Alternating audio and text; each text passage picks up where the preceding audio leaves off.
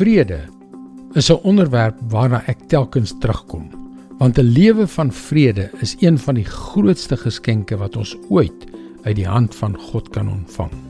Daarom leer hy ons om na vrede te streef, om dit 'n prioriteit in ons lewens te maak.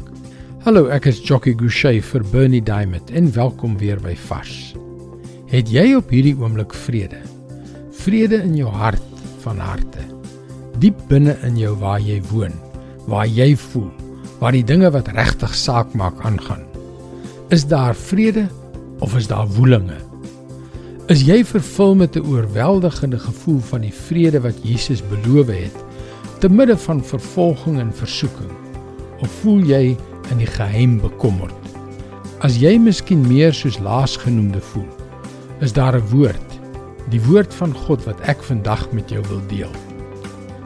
2 Tessalonisense 3 vers 16 Mag die Here wat vrede gee, julle altyd in alle opsigte vrede gee. Die Here sal by julle almal wees. Dit is hoe Paulus sy brief aan die gemeente in Tessalonika afsluit. Het jy al opgelet dat ons die slotwoorde dikwels miskyk? Maar dit is deel van die woord van God. Daarom weet ons dat dit lewend en kragtig is en skerper is as 'n tweesnydende swaard. En my vriend, God se woord wil vandag en elke ander dag onder alle omstandighede vir jou vrede gee, sy vrede. So dikwels is die omstandighede waarin ons verkeer heeltemal buite beheer. In hierdie einste brief het Paulus 'n paar moeilike, gevaarlike en angswekkende dinge aangespreek. Maar uiteindelik spreek hy God se vrede oor die gemeente. Dit is wat ek nou met jou wil doen.